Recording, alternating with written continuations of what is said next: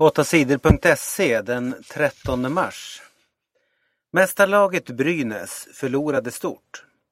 Slutspelet i ishockey har börjat. Det blev ingen bra start för förra årets mästare Brynäs. Brynäs fick storstryk av Skellefteå i den första matchen i kvartsfinalen. Skellefteå vann med 5-0. Skönt att vinna första matchen, det betyder mycket för oss, sa anfallaren Petter Emanuelsson.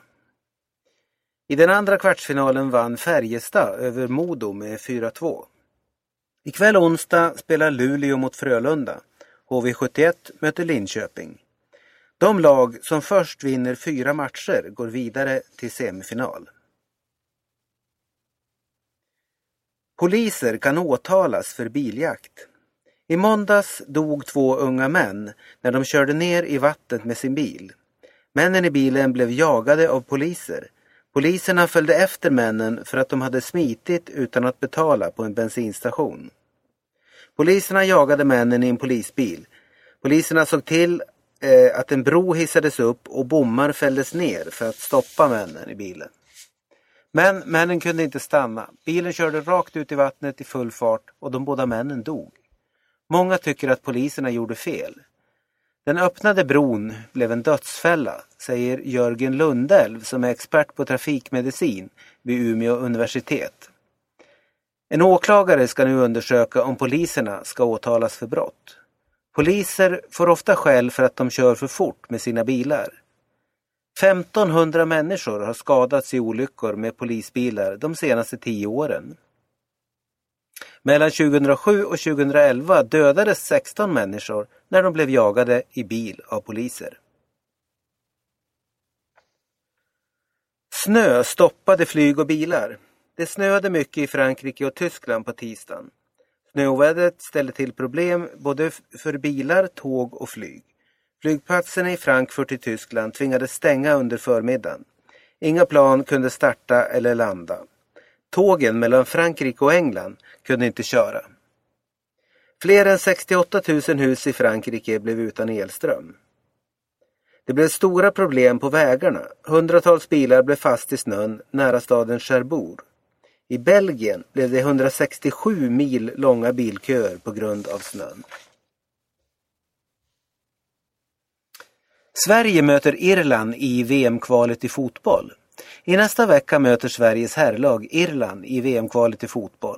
Efter bragdmatchen mot Tyskland i höstas borde de svenska spelarnas självförtroende vara på topp. Sverige hämtade ju in fyra mål och spelade oavgjort mot Tyskland på bortaplan. Sverige ska normalt vinna mot Irland på hemmaplan, men det kan bli tufft den här gången. Sverige har haft flera viktiga spelare skadade. Högerbacken Mikael Lustig, vänsterbacken Martin Olsson och anfallarna Ola Toivonen och Johan Elmander har varit skadade och inte kunnat träna med sina klubblag.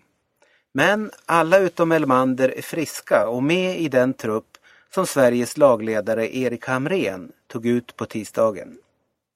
Det har varit lite stökigt med alla skador den här gången, säger Erik Hamrén.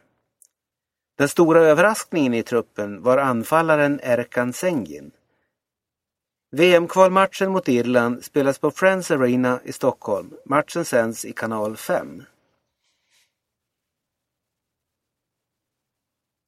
Margot Wallström ska jobba på Postkodlotteriet. Margot Wallström är en av Socialdemokraternas mest kända politiker. Många trodde att hon skulle bli partiets ledare. Men Wallström valde att arbeta i EU och FN. Nu har hon slutat med det Margot Wallström har fått jobb eh, på Postkodlotteriet. Det skriver tidningen Aftonbladet. Svenska hockeyhjältar blir frimärken. Börje Salming, Jörgen Jönsson, Niklas Lidström och Henrik Lundqvist är några av Sveriges stora ishockeyhjältar. Nu ska de bli frimärken. Posten ger ut ett särskilt ark med frimärken före ishockey-VM i maj. På frimärkena ska flera av Sveriges gamla hockeystjärnor vara med. Efter OS i Norge 1994 gav posten ut ett frimärke med Peter Foppa Forsberg på. Det blev Sveriges mest omskrivna frimärke. Nu trycks det igen till frimärksarket Hockey. VM i ishockey spelas mellan den 3 och 19 maj.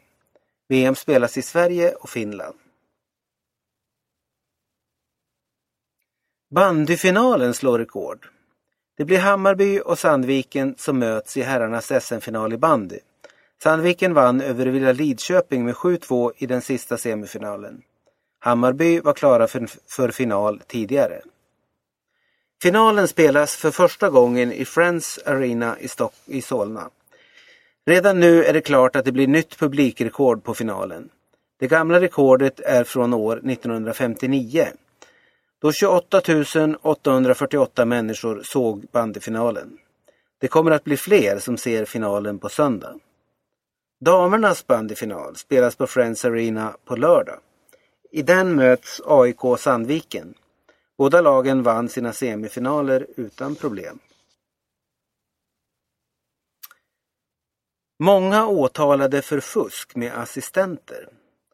17 personer åtalades på tisdagen vid domstolen Tingsrätten i Örebro. De åtalades för att ha fuskat med bidrag. En av de åtalade har varit chef för ett företag som ordnat personliga assistenter åt människor med funktionsnedsättning. Åklagaren säger att företaget har lurat åt sig pengar från Försäkringskassan. Företaget har lurat till sig flera miljoner kronor. De som arbetat som assistenter har tagit betalt för jobb som aldrig har gjorts. Företaget har också fuskat med skatten, säger åklagaren. ICA stoppar mat som kan innehålla hästkött.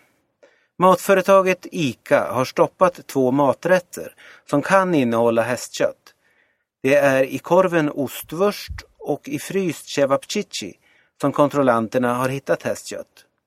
På paketet står det att maten bara innehåller kokött. De här varorna har sålts i ICAs butiker i hela Sverige. Det är inte alls farligt att äta den här maten, säger Lena Sparring på ICA.